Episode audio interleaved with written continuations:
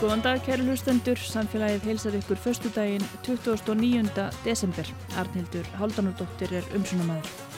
Við fáum góðan gest til okkar í dag sem tengist samfélaginu sterkum böndum en heldum mitt þetta ára við nýra æfintýra í rúmlega 8000 km fjarlægð. Þetta er hún Þórhildur Ólastóttir sem var annar umsunamanna samfélagsins og árum skipti. Við fáum svo málfarsminútu með áramóta ífavi og heyrum dýraspjall frá því í janúara þessu ári en þar rætti Þórildur Ólastóttur við aðalbjörgu Jónsdóttur líffræðing hjá Háranssonarstofnin um aldursgreiningar á fiskum.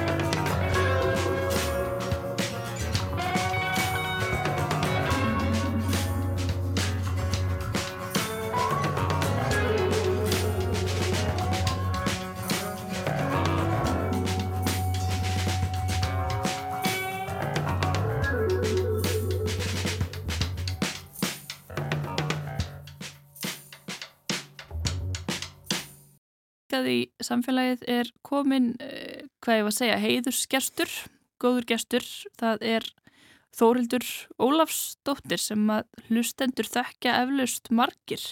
Forveri minni í, þessu starfi, velkomin. Sælvertu, Arneldur Haldunadóttir og gaman að vera komininga aftur inn í stúdíu í þennan uh, þátt, besta þátt í Íslensku útvarpi fyrir og síðar. Það er leiðið mér að segja það núna þegar ég vinn ekki alltaf lengur í hún. já, þú uh, varst ég hluti af, af samfélagsteiminu, ég hef búin að vera lengi en, en fyrir hluta þessa ás og nú eru svolítið að gera upp árið svona þegar þú ert komin hérna í stúdióið og átt eflust margar minningar hérðan er einhver eftirminnileg viðtöl sem að þú tókst á árnu sem að Viltu revju upp? Já, í rauninni algjörlega ótal mörg uh, viðtöl uh, og þegar maður hugsa um það uh, svona þegar maður er komin í fjarlægð á því að vinna í þetta sem þessum að maður er náttúrulega að tala við fjöldamanns okkur um einasta degi alla virkadaga vikunar og svo bara líða vikunar og mánuðinir og árinjafel og þetta er alveg greiðlega mikil fjöldi af fólki, viðmælendum og, og upplýsingum sem að, að náttúrulega dælast hérna inn og í viðtæki eh, hlustenda.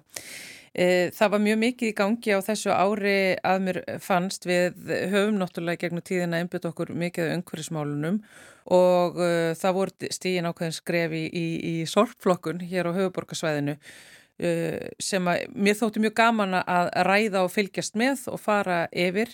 Ég er líka bara svona með persónulega mikinn áhuga á sorpverðumálum og, og flokkunamálum Þannig að þarna náttúrulega bara komu saman eitthvað sem að ég hef mikið persónulega gaman af og áhuga á og síðan eitthvað sem að faglega passaði mikið inn í þennan þátt. Þannig að öll þau viðtöl, bæði veist, við eh, sveitastjórnafólk hér á höfuborgarsvæðinu sem að var að koma þess að stað, eh, fólk sem að var innan eh, sorpirðu fyrirtækjana og síðan náttúrulega við bæði sko íbúa og hér í, á höfuborgarsvæðinu og líka annars þar á landinu þar sem er búið að gera þetta. Af því að höfuborgarsvæðið er nú frekar sent til að gera þetta svona alla jafna. En svo var líka náttúrulega gaman að fylgjast með til dæmis upprópununum yfir því ég mitt að það væri verið að fara að koma þessu á Ég man að ég var einhver tíman í einhverju umfjöldin hérna að lesa upp af einhverju íbúasíðu þar sem að var eitthvað, hvað er við bara komið til Norður Kóru eins og Norður Kóru að væri með eitthvað rosalegt flokkunarkerfi fólki leist eitthvað mjög illa á þessar breytingar en, veist, Það var svona hugarfarsbreyting og menningarlegs eðlis líka sko, menningarlega eðlis. Já, einmitt, en gleimu því ekki að akkurýringar eru búin að flokka veist, sitt sorpu í, í langa tíma og bara fleiri sveitafjölu út um landa allt ísverðingar og ég held uh, hortnaferði og hvaðina þannig að það er alls konar kerfi í gangi viðsverðan um landi og síðan sko, veist, ég menna, erum við að tala um ákveðin svæði til dæmis í Þískland Þískalandi eða Belgið eða Svist þar sem eru sko nýju flokkar, tíu flokkar og og þar verðist fólki ekki verða skotaskuld úr því að sinna þessu svo vel sé. Mm -hmm. Þannig að við færðum okkur heldur bara upp á annað og betra plan uh, og uh, svo er þetta líka svona betum á dögaskall, vissulega. En mér fannst gaman að fylgjast með þessu, gaman að fylgjast með því hvernig það var verið að koma þessu á, tunnuskiptunum og síðan nefnitt að heyra í fólki hvernig það var að, að útfæra þetta. Uh, fólk var ofta að koma upp alls konar svona flokkunarstöðum eh, heima hjá sér saminnaði þá ég vil áhuga sinn á sorpflokkun og innanhúsarkitektur og svo held ég að allir séu búin að vennast þessu núna. Já, ég hugsa það sko. Þetta er svona skemmtilegt að rivja þetta upp svona þegar maður lítur yfir farinveg og yfir þetta ára. Þá er þetta kannski eitthvað sem að stendur fólki mjög nærri til hluta hverstarslífinu. Uh, við erum öll að snerta alls konar umbúðir og dót sem að þarf að flokka og, og losa sér við sem úrgang. Og allir höfðu skoðanir á þessu og við með þess að við vorum að spjalla um daginn við önnusýrið þráinsdóttur Málfarsáðanut þá uh, vorum við að ræða svona orð ársins og hvað bara hæst og þá komu orð eins og tunnudreifing og sorpirðu dagatal sterk eins sko. Já, ummitt. Þannig að þetta hefur áhrif. Þetta var ummitt. Ég hugsa að þetta hafi verið svona, þetta er svona breyting í hverstasleikanum eh, sem allir þurftu að takast á við, allir þurftu að vera með í, en síðan sko miða við einmitt, það voru náttúrulega kvartaði yfir þessu og margir sem að fundu þessu allt er fóráttu en ég held einhvern veginn að þeir séu núna bara Þú get ekki hugsað sér annað heldur en að taka lífrana á röslið frá og, og veist, þú ert ekkert að henda hangikjöldspeinunu sko ofan á, á mjölkuferðunar þú veist í sama, sama dallin sko. Það Nei. er bara verður einhvern veginn þegar þú ert komin inn í svona ferli að þá stýgur er svo, erfitt að fara tilbaka.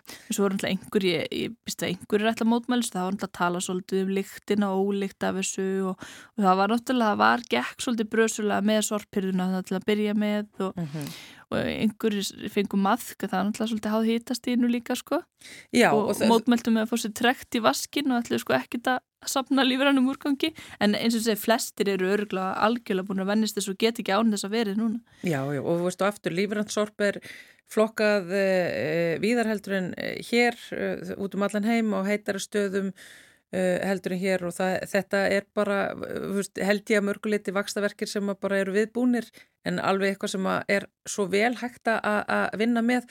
Og svo má heldur ekki gleyma það að Ísland er að mörguleiti svo fullkomið samfélag til þess að takast á við svona hluti saman.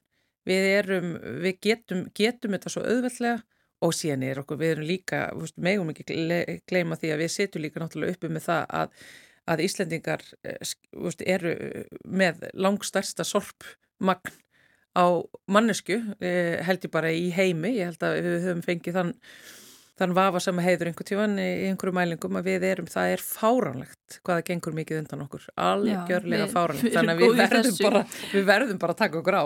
Já, en uh, ég fekk það nú hingað ekki bara til að ræða um, um sorpmálin heldur, uh, við getum reyndar haldið áfram að ræða þau en, en svona í tengslum við þinn samastað núna, þú byrð ekki lengur á Íslandi, þú ert flutt uh, til Kampala höfuborgar Úganda mm -hmm. og kannski liggur beinast við að spyrja hvernig eru flokkunarmálinn og sorpirðumálinn í, í Kampala?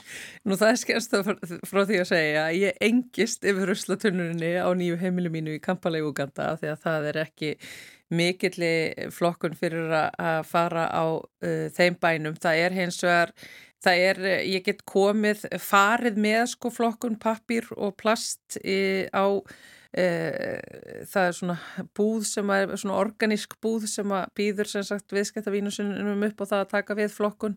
E, ég bý í blokk. E, það er ekki búið að semja um sem sagt það, það, þetta er náttúrulega ekki svona sorgkerfi eins og hér það sem einhver bara kemur til þín heldur, þú ert að semja um að einhver takir uslið þitt og, og, og, hérna, og síðan getur samið um að það kom einhver að takir plastið þitt og Þannig að þetta er, þetta er eh, mikið öðruvísi og ég, er, ég átta mig ekki alveg á því hvernig sorgflokku virkar sko. Ég er náttúrulega í, í hverfi sem er svona frekar uh, vel utanum haldið og vel stætt sko. Það eru hús og það eru gerðingar og einhverju svona smá innviðir en innan kampala borgar eru náttúrulega uh, mikið á svona fátækra hverfum þar sem er kannski ekkert uh, skipulag eða eða einhver aðkoma fyrir ruslabíla, ekki aðkoma fyrir neitt og það er bara, það er bara ruslahaugar veist, inn á þessum svæðum. Það er bara mikið rusl út um alla borg bara mm. uh, og þetta er bara einhvern veginn dreifist uh, þarna út um allt.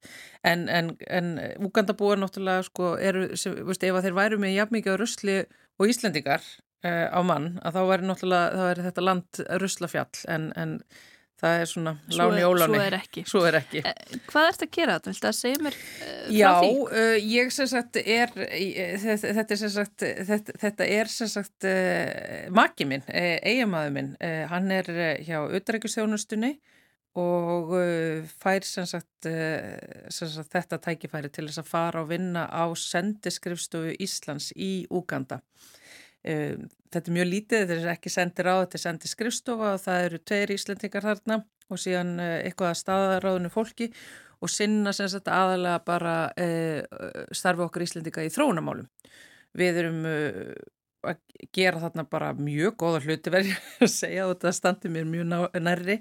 En það er mjög gaman að fylgjast með því að við erum að byggja skóla og vassfeitur og erum í alls konar verkefnum þarna sem er þá unnið rauninu bara er þróun að starfa okkar Íslendika í Úganda. Mikil þörf á því og gaman að sjá hvað uh, þetta skila sér vel. Uh, ég hef verið aðeins fengið að, að, að bara í gegnum störmansins minns að fara út í héröðum þar sem við erum að, að standa fyrir til dæmis því að byggja upp skóla og þetta er gaman sko, veist, þetta, er ekki, þetta, þetta fer ekki í einhverja svona, einhver svona stór verkefni, þetta er bara Ísland er bara bent inn í þessu að byggja þetta, þannig að það er alveg sko svona sköldur á bara hér er uh, þetta hér að í Úganda í samstarfi við Íslenska ríki að byggja þennan skóla og, veist, og það var, veist, maður sér, sér gamla svona skólabyggingar þetta, veist, það eru Íslands vegur til dæmis í einu sveita hér að þennu östulhuta Úganda, bara verið að sína Íslandugum mikið þakklæti. Þannig það er ekki þannig að við séum að fjármagna einn múrstein í Nei, mörgum skólabyggingum heldur eigum við bara hérna heilan skóla og heilan veg. Þetta, þetta rýs upp fyrir framann augunum og það er svo gaman að sjá sko sjá þróunarastöðuna virka af því að þetta er bara, að ég hef komið inn á svæði þar sem að sko krakkar eru í tjöldum, þar sem er verið að kenna þeim í tjöldum og það er einhvern veginn verið að elda á einhverjum hlóðum og það sem er einhver rauð, eða kona sem stendur yfir reik eh, tíu klukkutíma á dag og síðan kem ég þarna næst og það, veist, þá er búið að reysa skólan og eldúsið og það er einhvern veginn búið að koma öllu fyrir uh, og, og, veist, og það er einhvern veginn maður finnur svo mikið hvað þetta breytir öllu á svona litlum svæðum og mjög fátækum svæðum sem að, það sem Ísland er að, að starfa. Já, þetta er náttúrulega bara eitt fátækasta ríki heims, Uganda. Jú, það er það og, og, og það er rosalega mikið sko, það er svo misend eftir hvar þú ert í landinu, miskiptingin er náttúrulega mjög mikil og, og ég myndi í þessum sveitafjörðum þar sem Ísland hefur verið að að leggja uh, svona fram uh, sett loð og vogaskálanar hefur þetta verið náttúrulega, veist, er, eru þeir veikustu og sem eiga, já, svona það, sem hefur verið svona fátækustu, fátækustu svæði Uganda, það sem að mentun er, um, er ekki bara í bóði eða veist, bara einfallega í mitt af því að það er ekki til byggingar eða það er ekki til komaði þannig fyrir að það sé ekkert að fá kennara eða það bara er ekkert til, það er ekkert á staðnum. Og ef við staðsetjum kannski að þetta landa, það er, flestir hafa nú heyrt um Uganda en, en kannski eiga er upp með að átta sig nákvæmlega á því hvar landið er, það er í Afríku. Já, miðri Afríku, eiginlega alveg bara á miðbög Já. og uh, faðmar eiginlega Viktoríuvatn sem er, hérna, þetta er eins og stóra stöðuvatn, eiginlega bara eins og haf, uh, er sem sagt uh, með Kenia austur við sig, Sútan norður við sig Og, og, og þannig að þetta er svona, já, er, kemur þarna um og í kringum uh, Viktoríu vatn og er, þetta er, en þetta er, þetta er sko lítið land kannski að flatamáli með að við sko öll önnur þessi Afrikulönd en, en, en, en þó öruglega starra enn Ísland? Miklu starra enn Ísland auðvitað og, og það er mikil þjættleiki af fólki þarna eins og hérna gengur gerist að því að þetta er ríkt land í því að þarna vex allt og dafnar. Það er alveg, það er, þarna er jafn Jafn hitti í rauninni, þetta er bara við miðbögg þannig að sólinn sest og fer niður á sama tíma allt áriðum kring, það er eiginlega alltaf sama bara hittasteg og, og það er ekki miklar veðrabreitingar og það komur rektímabill. Þannig að það er eiginlega bara, þetta er algjör, algjör góðsinn land upp á það ef þú ætlar að rekta eitthvað. Já, þessi frjósama Þessi frjósama jörð, mold, frábara einmitt, frá, frábara aðstæður í alla staði. En það er ég líka náttúrulega sko búin að vera í svo mikill nestlu á ávöxtum.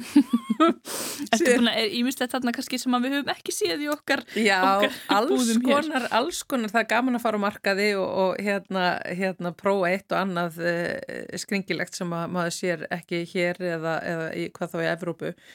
En svo líka bara að fá fá svona eh, ferskleikana þegar þetta er bara týnt bara samdægus þetta er, þetta er jáfnveil bara á trjá, trjánum til dæmis í gardinum sem að hérna í blokkinu sem ég bý þar er sko avokadotri það, það rúla avokado uh, hérna inn á hérna uh, niður í yngjersluna af blokkinni.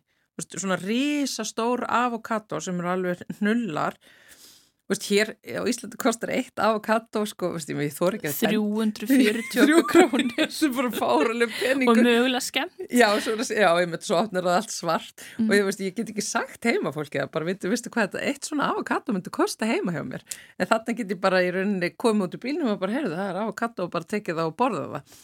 Og þau eru alveg svona dísæt eila, þau eru svona sæt Já, helsta sem að ég er búin að vera í, eh, eh, hérna, er búin að vera uh, mikið að borða, það er ástaraldin er mjög vinsall ávöxtur og veksvíða þarna.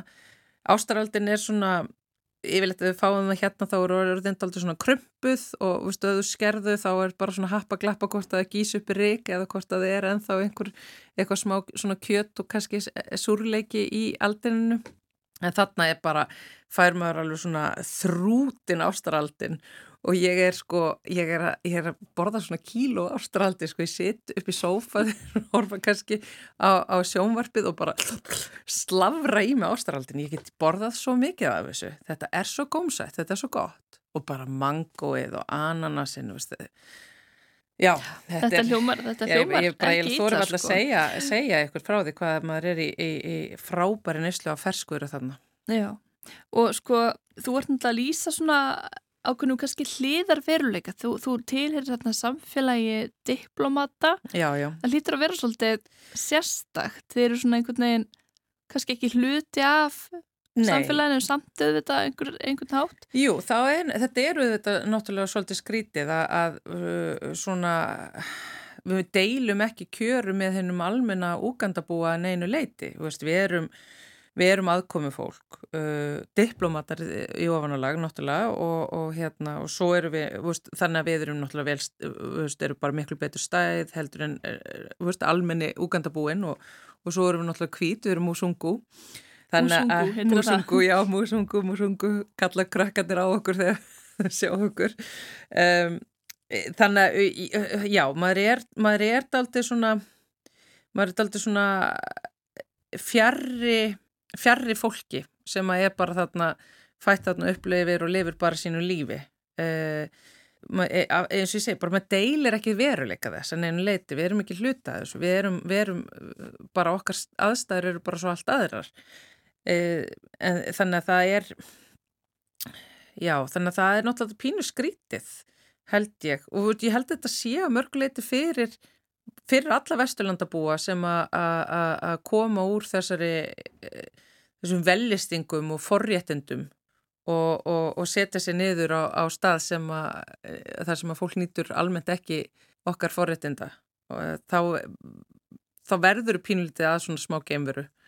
En, en þú náttúrulega bara lætur ekki þitt eftir leikja og, og reynir að dreifa auðnum og, og, reyna að vera til staðar og bara gera sem koma, koma, koma þessu bara frá þér sko.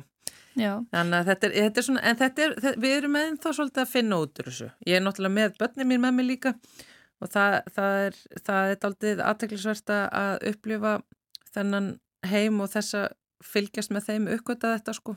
Þegar ég er að keira þá í skólan senni í skólabúningunum skólabúningunum sínum og við stoppum á rauðuljósi og jafnaldra reyðra berfættir og í tötra föttum er á bankaglukkana og að byggja um mat eða drikka eða peninga. Já, þetta eru skýrar skýrar anstæður Það er ójöfnur blasir við sko. En, veist, og það, þetta er bara svona Ég á eiginlega bara, ég er eiginlega enþá bara svolítið að ná haustum á mér utanum þetta og, og, og ég held einhvern veginn bara, ég, ég kann eiginlega ekki alveg að orða það hvernig mér líður með þetta. Nei, þetta er ótrúlega stór og mikil reynsla sem er mitt. Það er svona aðeins að seitla inn, er Já, það ekki? jú, þetta er alveg þannig. En auðvitað er þetta náttúrulega, hvað er það að segja, það er að kalla, maður lifir í búblu Já. og maður er náttúrulega í svo litilli bú- búblu, það er nú þannig. En hvað svona, sko, eitthvað hefur samt náðu að kynast þessu, þessu landi og íbúin þessu. Hvað er svona áhugavert við, við Uganda? Þú nefndir það nú að, að það væri mikið djammatna til dæmis? Heri, þetta eru alveg rosalega er bara, og, og, og, þau eru, tón, tónlistarsjúk og það er aldrei hægt að vera bara með einhverju tónlist í einhverju svona bakgrunni, hún þarf alltaf að vera í algjörum forgrunni, það er bara hæsti styrkur og þeir eru alveg sama hvar þú kemur í kampala og á hvaða tímum dags eða sólarhengsins, það skal alltaf vera einhver svona dúf, dúf, dúf bassatróma einhver staðar því að það er djam einhver staðar Þetta eru er borgin sem aldrei sefur. aldrei sefur, rosalegt jam, ofsalega miklu dansarar og bara svona, veist, og er mikið svona stemningsfólks. Er, er hérna, veist, það, ég hef nú ekki farið mikið út á djamið þarna en, en hérna ég hef nú aðeins séð af því og það er, fólk er svo glæsilegt að fyrir setja allra fínasta, flotti litir og, og skemmtileg fött og, og svona mikil tjáningi í gangi og síðan náttúrulega bara dansin og tónlistin og það er bara, veist, allt í gangi. Og svo vantilega mikið náttúra þarna, ég, ég las að þetta er hvað, eitt, stærsta friðland fjallagórilu. Já, það eru heiminum. náttúrulega bara eiga heima þarna og eru síðan hérna líka í Rúanda sem að, á landamær, deili landamærum meðal annar landa að uh, Uganda. Fjallagórunar uh, uh, njóta mikillar verðingar og það er og Uganda f- menn eru miklir aðdæðandur þeirra og eru, eru mörguleiti og vel meðvitaður um það að þeir eru verndarar fjallagórulina í heiminum og, og bera ábyrð á þeirra velferð. Það er náttúrulega þrengt mjög að heimkinnum þessarar einstöku tegundar, þessara frænd okkar, uh, er ekki til s- þegar við deilum uh, DNA með þeim. að- Já, að- örugglega 99,% 99,1, þetta er svona.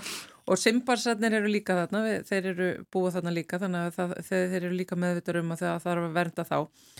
Það, það er svona stóra baráttumálið fyrir úgandafólk er að vernda í rauninni skóana sína þar sem að ótrúlegur fjöldi og, og fjölbreytilegi dýrateganda uh, býr í og, og á undir högg að sækja svo sem þar eins og, og við annar staðar. En það er, það er mikið svona uh, vaksandi held ég náttúru meðvitund í gangi og kemur á mörguleiti líka bara með auknum túrisma í landinu. Eh, Það eru hérna dælast þarna inn ferðamenn eh, sem eiga þá ósk heitast að að sjá þessa frendur okkar, prímatana og, og það er, það, er, það ítir undir e, það að- að Úganda vill varðvita þessa sérstöðu sína og, og þessa, þessa nágranna sína og, sem að deila með þeim landinu. Já, og það er svona, það er frekar friðsæltatna, er það ekki? Já, nei, e, það er náttúrulega, er búin að vera róstur þarna í Sútan og, og, og, og kannski ekkert ráðulegt að vera að fara mikið þá í, í þá áttina og það hafa, eh, veist, það er nú alltaf, eh, eh, veist, það er eitt að við búið þarna, það er alltaf að vera að koma inn, inn einhverja svona öryggisleipinningar, ekki fara þarna, ekki gera þetta og veist, það er alls konar svona Vantilega sérstaklega vel haldið utan um diplómatana. Já, já, þannig að það er, það, er- það er, það er mikið hérna, fylgst með því og ég meina þú ferð bara ef þú ferð inn og til dæmis uh, uh, ferðaleðbynningar sendir á það að þá getur alveg séð að það er eitt og annað skrifað um Úganda, veist, uh, það er alltaf verið að færa einhverjar viðvaranir upp og niður og, og það er náttúrulega viðvarandi hriðjörg og, og, og, annað. Bara svo sem, bara eins og er bara svo víða út, út um heim. Mér líður ekki, veist, ég, er, ég, er alls ekkert eitthvað stressuð þarna eða mér líður ekkert eh, eins og ég sé eitthvað óörug en auðvitað þú keirir með gluggan uppi og bílinn læstan. Eh, það eru til dæmis það sem að það eru öryggisgæsla eiginlega á öllum húsum sem eru, veist, í hverfinu sem að ég býð, það er, hvað er að kalla svona gated community að mörguleiti það er mikið til dæmis að sendi herra bústuðum í, í göttinu minni og það eru bara menn grái fyrir hjárnum bara fyrir framann öll hús. Í skóla barnana minna, það, það, eru, eru bara fólk með rifla og skambusur sem að lappa þar í kringum uh, hérna, gerðinguna ekki alveg eins og maður á að vennast. Nei, nefnast, og hérna svo er heima. bara alltaf einhverju lauruglubílar að keira og það er bara að setja þungvopnaðir menn og það er bara ofsalega skrítið, veist, það er Uh, það er veist, ef þú ferðin í einhverja verslunarmiðstöð eitthvað þá er leitaði bílnuðinum og það er öryggiskesla og það er svona, það er mikið eftirlitt Já. svona ákanski þessu, en ef ekki að segja það er á þessu stöðum sem að ég svona kvíta forrið þetta píjan fer á en svo getur líka bara veist, farið á staði, veist, eins og bara matarmarkaði heimamanna og það er ekkert verið að leita á mér áður en fyrir þar inn, sko, veist, ég get bara farið og kæft mín á banana og þess að það séu einhverju einhverju menn með bissur að snabba honni töskuna mín á sko. Já, einmitt, en þetta endur spekla það líka er unni þess að gjá kannski Aftur bara, ég er náttúrulega Já, ég náttúrulega er inn í þessum heimi þar sem ég náttúrulega hef bara eitthvað erindin í verslunum meðstöðar til dæmis sem að, veist, af því um þetta sem ég segi, bara það eru, það eru kvítu forrættindin, veist, ég hef mhm. eitthvað erindin í einhverja blokk þar sem að ég bý í blokk þar sem að, veist, býr annað kvítt fólk og vissu fólk allstaðar úr heiminu og svo sem en, en við erum bara með öryggiskæslu og við höfum, veist, það er í göttunum minni er fólk sem hefur efnaði að vera með öryggisverði það er náttúrulega ekkert þannig eins og aftur eins og ég segi, við deilum ekki gjörum með hennum almenna ógætabúa Nei, en þetta er svona hitabeltis land og, og sko áhrif til dæmis lofslagsbreytinga hafa verið, hafa verið mikla svona sveiblur þurkar, þú nefndir eitthvað að, að engisbrettu vertiðin hafi já, heyrðu, eitthvað hérna, brostið. Já, það, það er eitt af því sem að fylgir sem sagt, það koma sem sagt hérna það koma svona regningatífambil og, og, og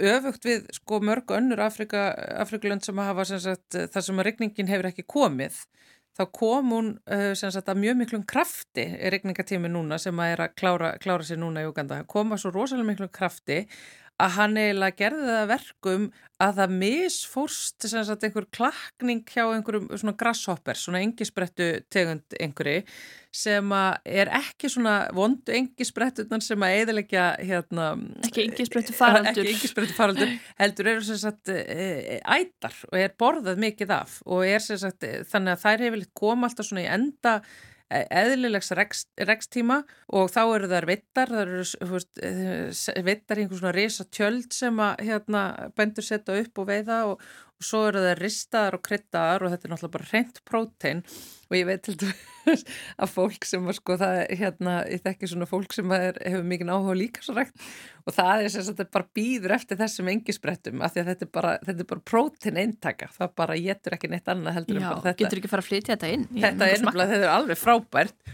og svo erum við náttúrulega, það sem að gerðist núna, það ringdi svo mikið að það bara leiti út fyrir að það kæmi yngar engisbrettur og það fór náttúrulega um vöðvatröllin við þetta. Ég fæl yngur vöðvarýrnun.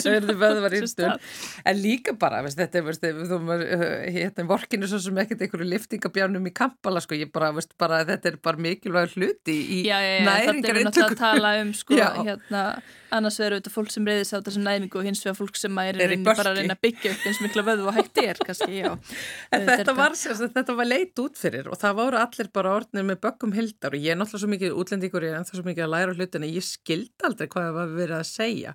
En svo fatt að ég að það væri einhverju uppskýrbrestur þarna á engisbrettum eða hvað, hvað maður á að kalla þetta, það er lítið ekki sjá sig. Svo fóru þeir að koma, þar fóru að koma grein, þar byrtust þetta einhver staðar í, í norður hlutanum og, og, og voru sendar, þá fór maður að sjá sem sagt svona menn vera að selja þær í, í, í svona einhverju döllum alltaf á öllum, þá var alltaf verið að hrista þetta framann í bílinn hjá manni og hvort maður vildi ekki kaupa engisbrettur. Ef maður kaupir allt sem sagt á rauðu ljósi þarna. Já. það er eða svolítið þannig, eða í umfyrirteppu þú sittur mjög mikið í umfyrirteppu í Kampala. Það er alltaf einhver að selja þér bara. Þú hefur ekkert betra að gera heldur en að vera að kaupa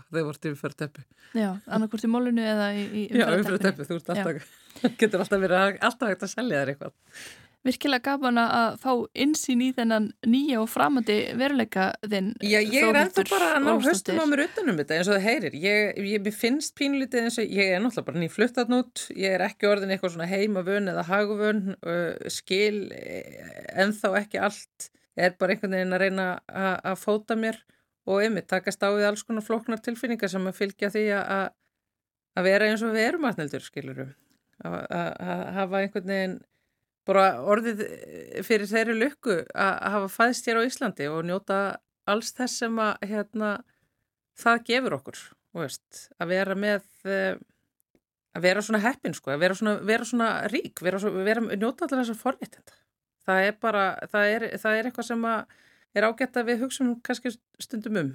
Ég er alltaf að hugsa mikið um það þess að dag Því að vera þarna úti greinlega bara stöðu áminning Já, um, það, um er það. það. Er það. Uh, Já, bara takk kærlega fyrir að koma hérna í, á því gamla vinnustad og, og þitt stúdjó og í þinn þátt samfélagið og, og ræðum þetta við okkur allt saman og heyrum við eitthvað meira frá þér og, og dölun eða út í kampala. Já, ég held að, að það sé bara orðið tímum bara að ég kannski sendi eitt og annað hingað heim í útvarpið uh, af málum þar núti. Eh, það er kannski bara ágætt að hlustendur kannski fáið að einhverju leita átt að segja á þessu með mér. Það er, ég allavega er, ég er að fara að retta mér einhverju upptökutæki þannig að það er aldrei að vita nema að það kom einhverju pislar frá mér. Hvar svo sem þeir lenda í dasgráni við sjáum bara til með það. Já, já, við bara hérna hlökkum til nýs árs og pisla frá, frá Uganda. Gangið sem allra best, Þórildur Ólarsdóttir, samfélagskona og, og nú hérna diplomata frú í Uganda Diplomata frú í Uganda Þetta er bara, þetta er titildun á æfisögunum Takk fyrir þetta Arnaldur Takk.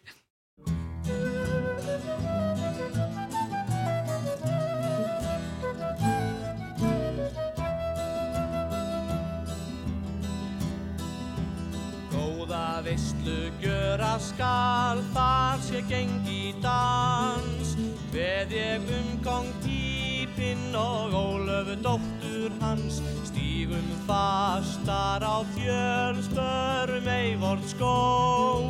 Guð mun ráða hvar við dönsum næstu jól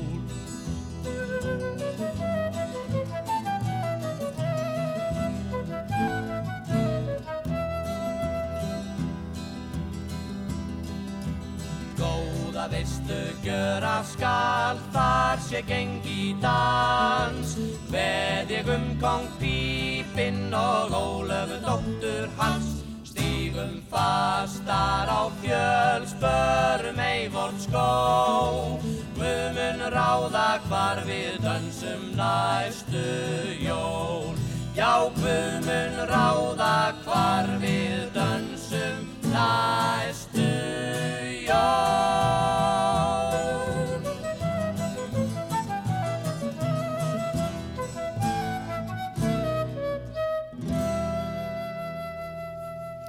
Þetta voru þrjú á palli með þetta hátíðlega lag Góða veistlu gjura skall.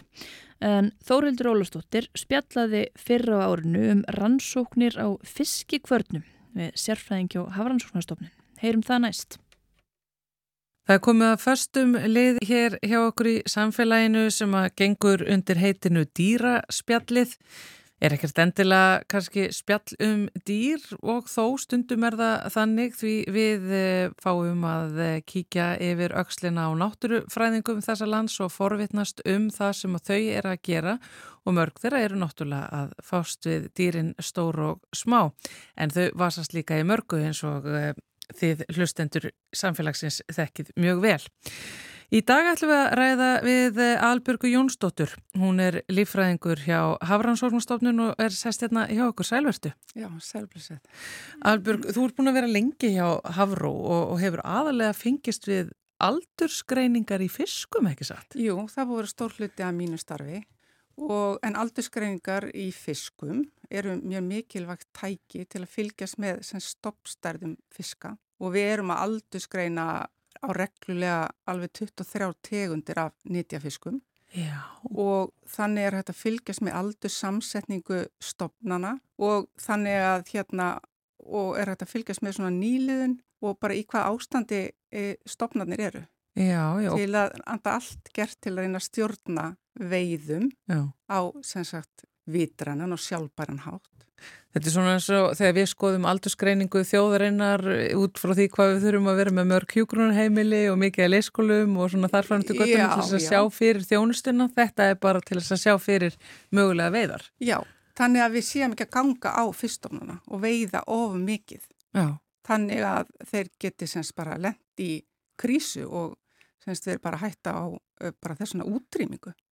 23 nýtjastofnar þá sem að þið aldursgreinið hjá Havró út af fiskveið stjórnun en hérna Albjörg fyrir ekki en bara hva, hvernig aldursgreinum að við fisk? Það er ekki sem að geta spurtan eða hann hafi kennetölu nei, nei, nei, nei, þá verðum við að fórna fiskinum í þetta, Já. við verum að sensta veiðan og taka úr honum svo kallega kvarnir sem eru kalksteinar í svona vökuafyltu hólfi við heilan á fiskunum.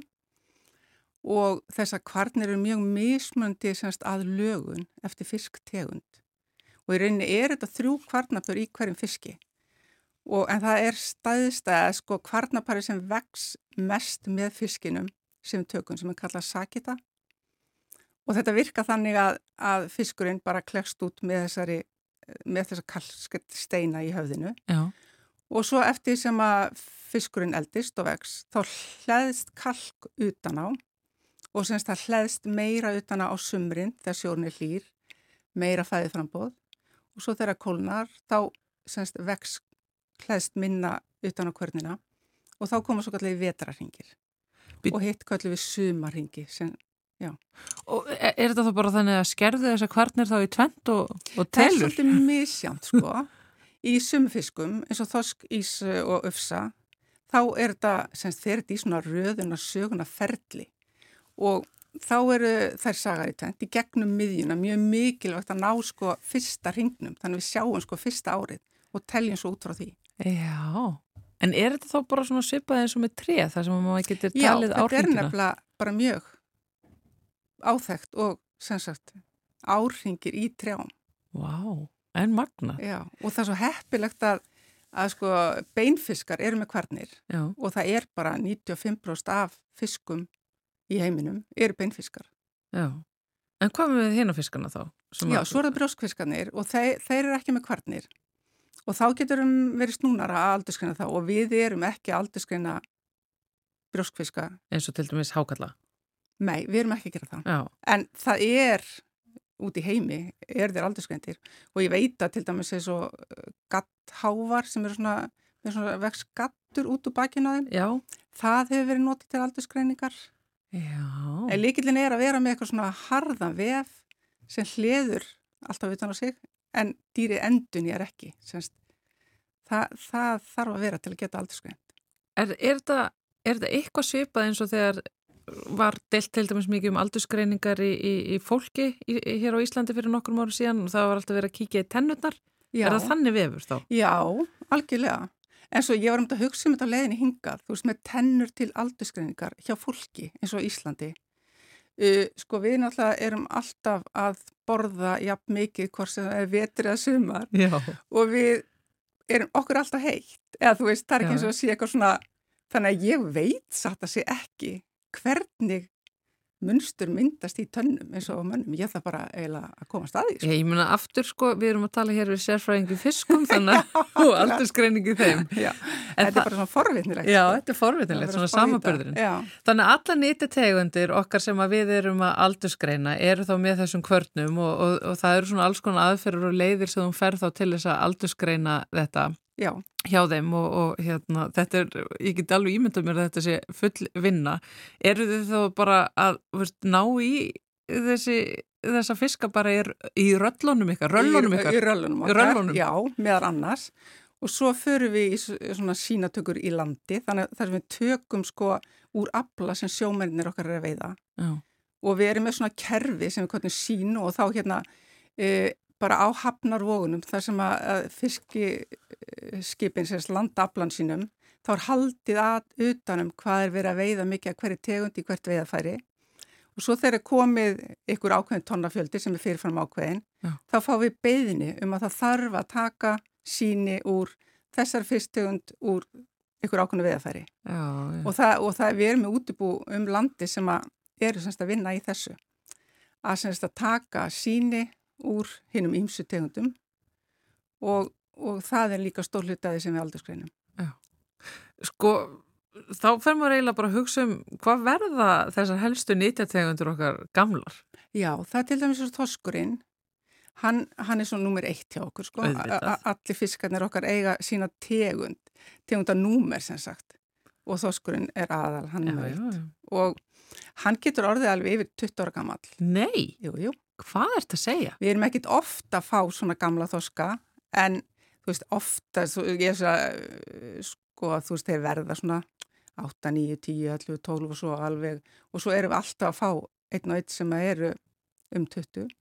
20 ára gamlega þorskar, Já. eru þeir þá alveg rosa stórið Já, eða verða þeir hrumir og gráir eða? Nei, þeir nefnilega sko, maður sér ekkert að séu eitthvað ellilegir.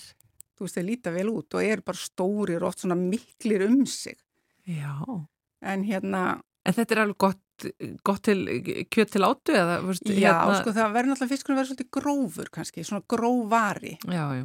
eins og þegar ég er að velja mér í svoðið þegar ég er út að sjó, þá tek ég ekki þessa stærstu, ég myndi fyrir ekki að taka 70-80 cm.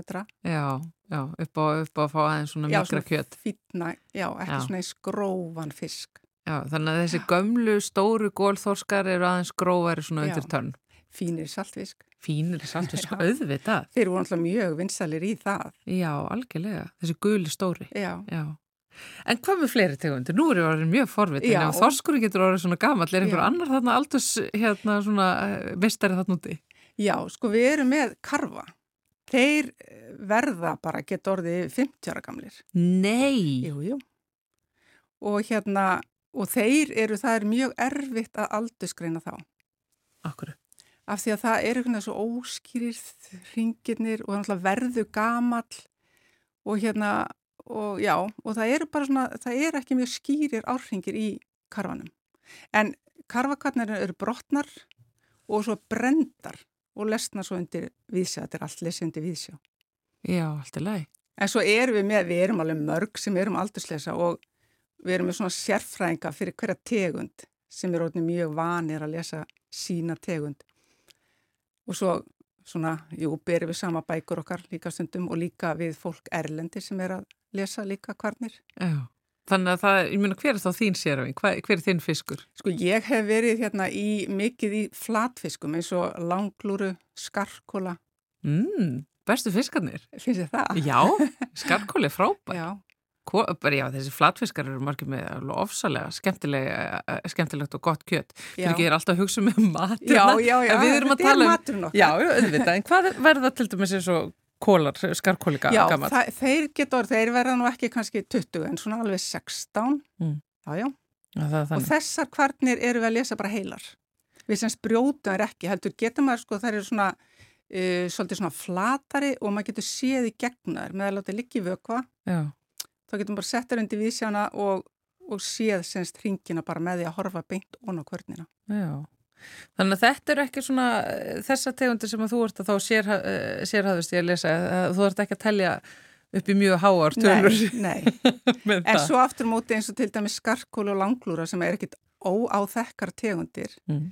þá er sko mjög auðvelt að lesa skarkóla miða við, margt annað, en eins og langlúran sem er líka flatfiskur, Mm mjög erfitt að lesa hana, bara mjög óskýri hringin og einhvern veginn þykkari og þannig og svo he- hefur bara hver sín, eh, semst hver tegund svona sína, sín enkenni og oft, uh, já, bara eitthvað skona vandamál, þú veist, sérstilla kannski fyrsta árið, erfitt að lesa kantinn, þetta er svona, þetta er alls konar Það er mikil tækni sko. Já, já, Nú skil ég betur okkur þú hefur verið lengi í þessu að þegar maður verður betur og betur í þessu eftir því sem að maður gerir þetta oftar. já, já, þetta er mjög mikið sérþjálfun í þessu og við getum ekkert bara kift hverjum sem er í aldurslest. Nei, ég get ekki komið í aldursgreiningar bara hjá okkur. Nei, þú verður að æfa því marga mánuði fyrst, sko.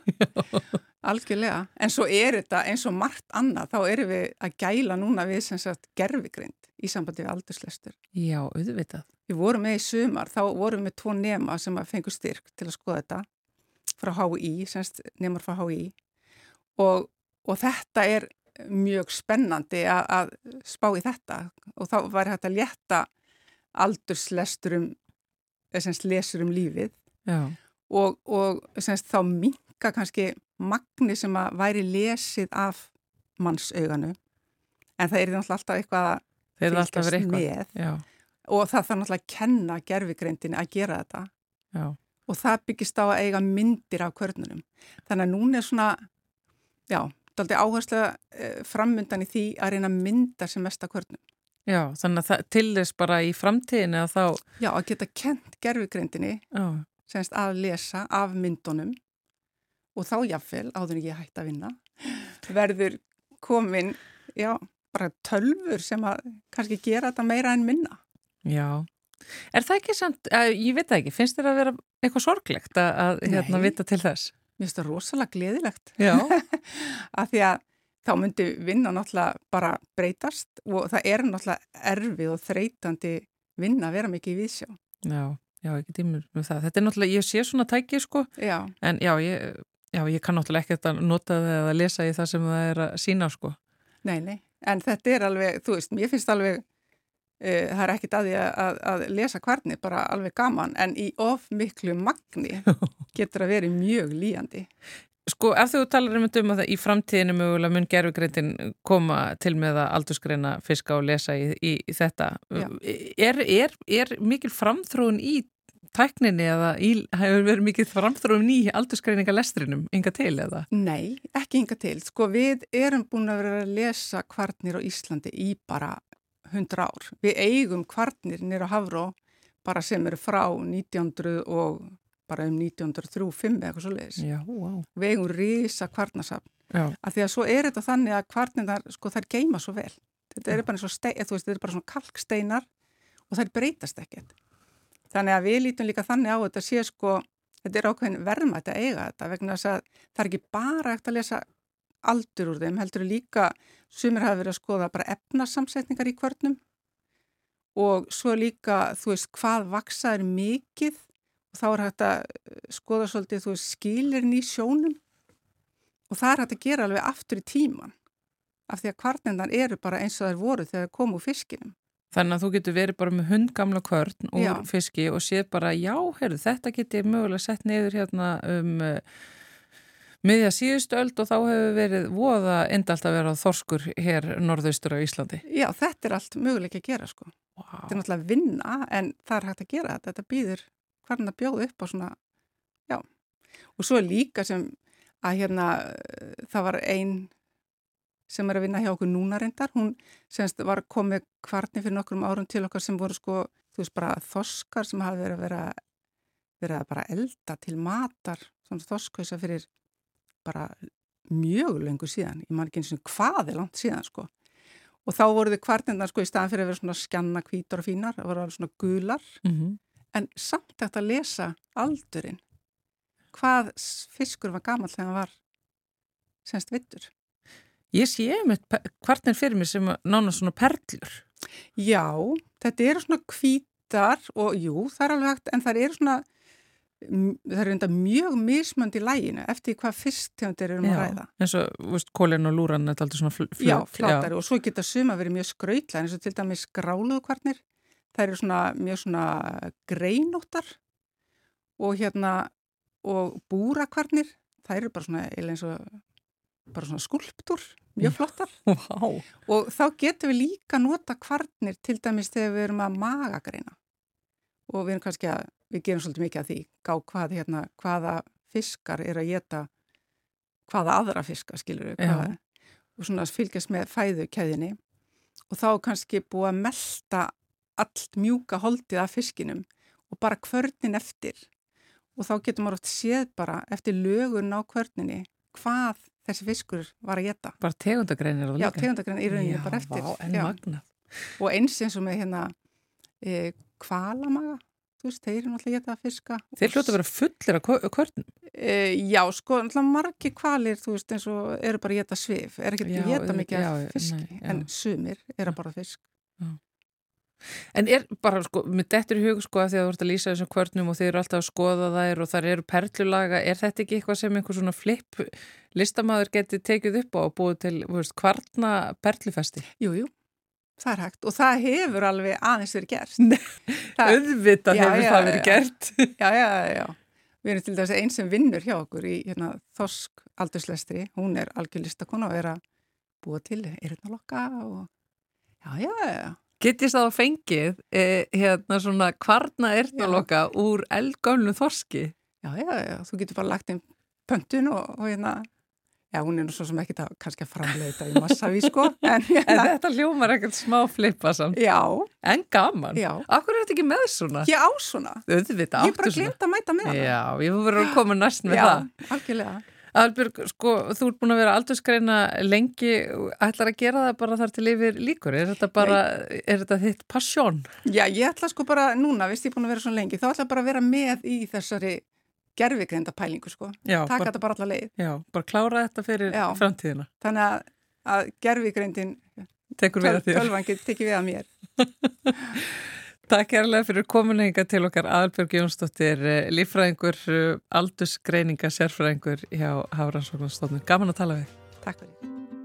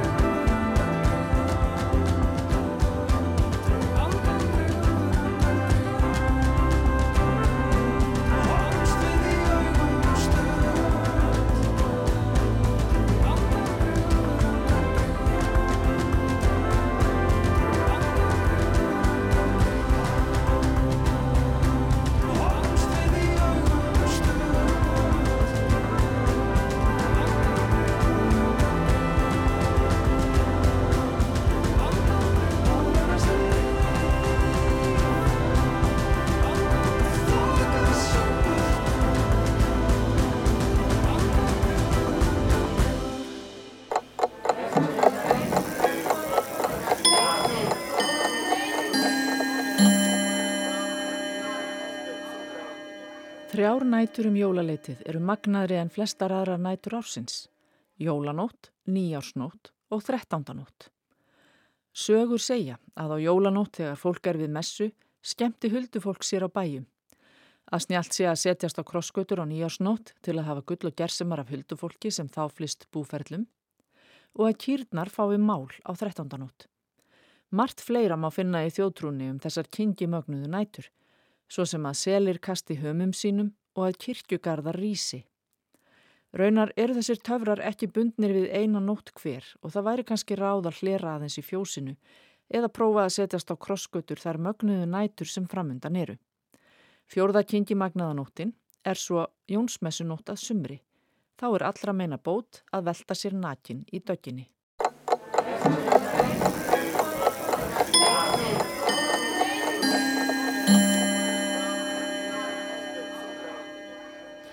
Hér heyrðu við Málfarsminútu úr smiðju önnu sér er þráinstóttur, Málfarsráðunetta Rúf og þar á undan söng Ásker Trausti Einarsson lægið Andan Dregur.